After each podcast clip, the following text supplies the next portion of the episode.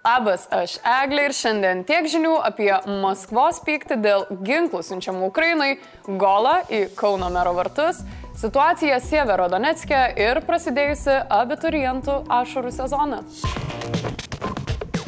Pradėsiu šviesesnę žinę. Joe Bidenas patvirtino, kad JAV siūs Ukrainai daugiau pažangių raketų sistemų, kaip pavyzdžiui HIMARS.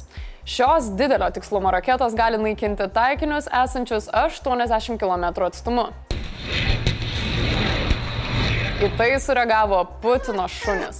Sergejus Repkovas pareiškė, kad tai didina tiesioginės Maskvos ir NATO konfrontacijos riziką. Kad ginkluotės Ukraina gautų daugiau, o kalbų apie atsižvelgimą į Putino interesus būtų mažiau, Ukrainos užsienio reikalų ministras Dmitro Kuleba paragino prancūzų prezidentą apsilankyti Ukrainoje.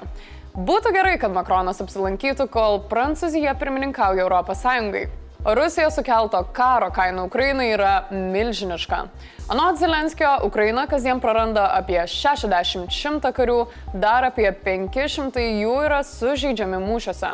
Nemažai ir ekonominė kaina. Ukraina teigia patyrusi 35 procentų BVP nuosmukį, o tiesioginė žala virš 600 milijardų JAV dolerių. Tuo tarpu Putino partijos vieningoji Rusijos sekretorius Andrėjus Turčiakas pareiškė, kad Išlaisinti Luhansko ir Donetsko regionai, jo nuomonė, turi tapti Rusijos dalimi. Bet čia dar vietos gyventojai apsispręs. Priminsiu, kad pradėjęs karą Hitler, Putinas, Putinas sakė štai ką. При этом в наши планы не входит оккупация украинских территорий. Мы никому и ничего не собираемся навязывать силой. Melavo? Tai aišku, kad melavo. Kalbant apie melagius, Vokietijos kancleris Olafas Šolcas pranešė, kad jo šalis Ukrainai jau perdavė virš 15 tonų amunicijos, 100 tūkstančių rankinių granatų, virš 5 tūkstančių prieštankinių minų ir dar perduos moderniausių šalies turimų oro gynybos sistemų IRIS-T.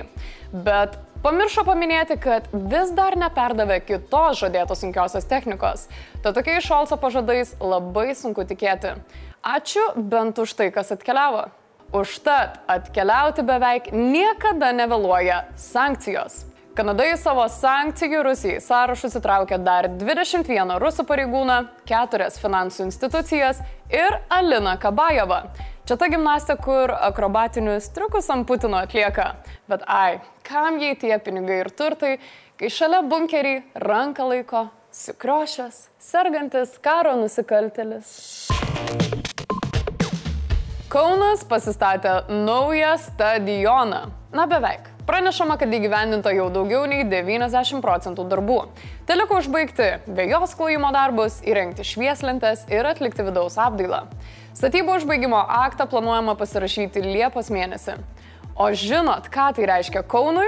Susirinkome pasidžiaugti, kad Kaunas ryškiai 1-0 laimi prieš Vilnių. Šiuo metu ieškoma koncesininko, kuris tikimasi valdys ne tik stadioną, bet ir šalia esančią Kauno sporto halę. Kaina irgi labai nesikandžiaga. Netgi galiu pasidžiaugti, kad matau, kad šitas stadionas bus turbūt pigiausias visam pabaltyje, nes mums jo kaina išeis apie 43 milijonus eurų. Bet aišku, Matijošaitis nebūtų Matijošaičių, jei nesulauktų klasikinio ir visus dar dominančio klausimo. Esate Vyčiūnų grupės akcininkas, gal galite pasakyti, Žiūrėk, čia mes kada Vyčiūnų- Vyčiūnų grupė pasiklausė iš Rusijos rinkos. Meras, tikriausiai paveiktas naujo stadiono, perėjo į sportinį žargoną. Dabar galvoju, ką čia golą man įmušė. Klauskite apie stadioną. Ir tuomet pasvajojo apie gyvenimą diktatūroje, kur jis vienas kaip didelis ponas galėtų rinktis su kuo ir apie ką kalbėti. Kaip gerai, kad galėčiau pagal kažkokius kriterijus atrinkti jūs, tai biški sveikesni būtų klausimai. Bet... Pasirodo, šalis, kurioje pagal kriterijus galima atsirinkinėti žurnalistus ir kuriai mokesčius moka Matijošaičio verslas, yra ta pati šalis - Rusija. Tokias mero kalbas iš karto pasmerkė Lietuvo žurnalistų sąjunga. Jos pirmininkas Dainius Radzevičius tokį Visvaldo elgesį pavadino gėdingu. Pats krabų magnatas vėliau atsiprašė už apsižodžiavimą su žurnalistais. Jis teigia esantis pavargęs nuo pigių provokacijų. Meras teigia nesuprantantis, kodėl reikia tą patį įkyriai kartoti net ir stovint naujoje futbolo aikštėje. Manau, kad ukrainiečiai irgi nelabai supranta, kodėl jų šalyje vykdomas genocidas neatbaido verslų nuo mokesčių mokėjimo į Rusijos kišenę. Bet, ai, gal tiek to, nemaišykim genocidų ir stadiono, ane? Situacija Sievero Donetskė vis prastėja. Pranešama, kad Rusijos pajėgos įsitvirtina miesto centre. Agresorius vykdo puolimo veiksmus šiauriniuose, pietiniuose ir rytiniuose miesto rajonuose. Luhanskos ryties karinės civilinės administracijos vadovas patvirtino, kad Rusijos pajėgos kontroliuoja jau 70 procentų Severodonetsko.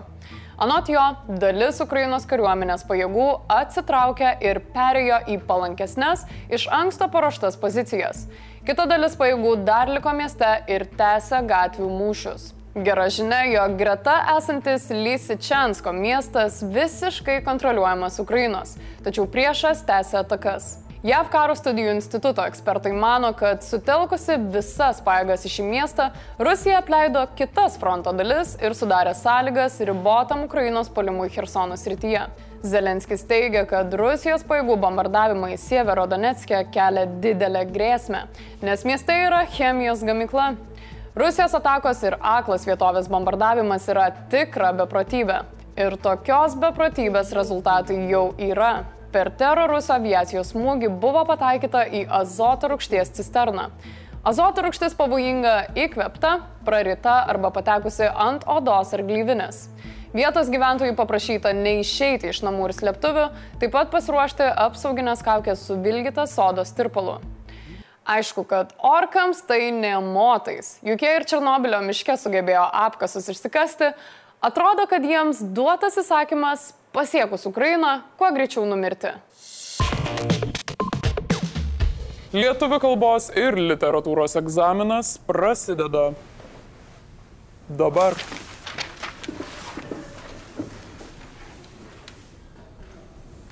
Maždaug taip šiandien 9 ryto privalomų lietuvių kalbos ir literatūros egzaminų abiturientai pradėjo brandos egzaminų sesiją. Daugiau nei 17 tūkstančių mokinių laikė valstybinį, virš 9 tūkstančių mokyklinį egzaminą. Eh, man atrodo, kad aš dar pati vakar ten sėdėjau. Brr, Po keturių valandų rašymo viskas baigėsi kaip ir visada. Tai tikiuosi, kad lengvas egzaminas buvo, ar visgi ne? A, Man asmeniškai sakyčiau, kad ne. Buvo labai nei sunku, nei lengva, nežinau, neturiu komentaro. Ar išlaikysit? Išlaikysiu. Gerai išlaikysit, ar taip? Išlaikysiu. Nors dalis temomis džiaugiasi. Aš manau visai neblogai viskas buvo. Tos temos man kažkaip visos aiškios pasirodė ir, ir buvo visai pasirinkimas tarp temų. Galvojau bus prastesnės temos, bet kažkaip prasisukom šį kartą. Mokiniai rinkosi vieną iš keturių temų - samprotavimo iš kas turi vertę, bet neturi kainos, arba ar sunku išsilaisvinti iš stereotipų, o literatūrinio iš užsienio vaizdavimas lietuvių literatūroje arba metų laikai literatūroje.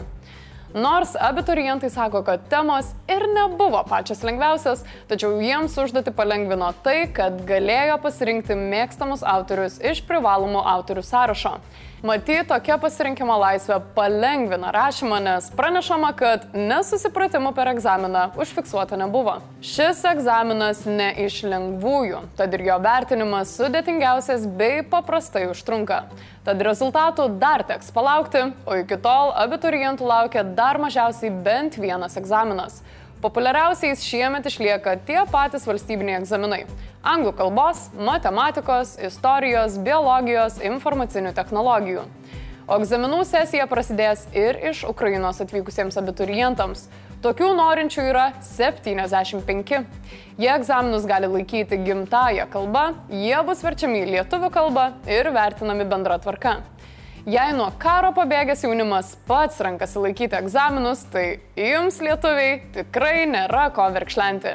Geriau papildomai vadovėlius pavartytumėt. Blitz naujienos. Lietuvos ir Turkijos atstovai Ankaroje pasirašė susitarimą atverinti kelią Lietuvai įsigyti kovinius dronus Bairaktar.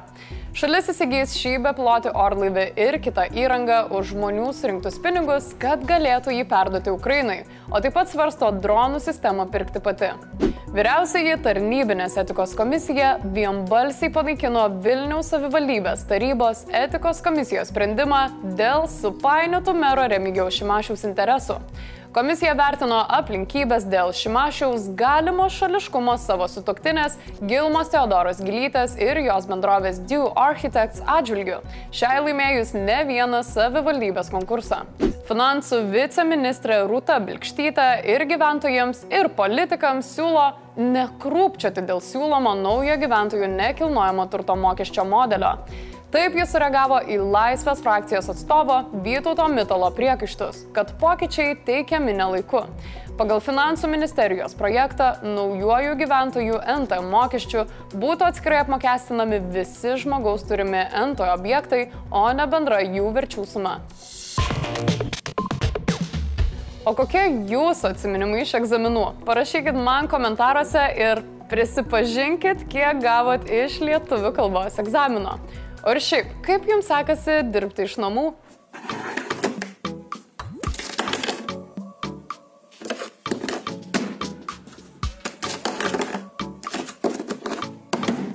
Čia buvo Eglė, tiek žinių ir iki ryt.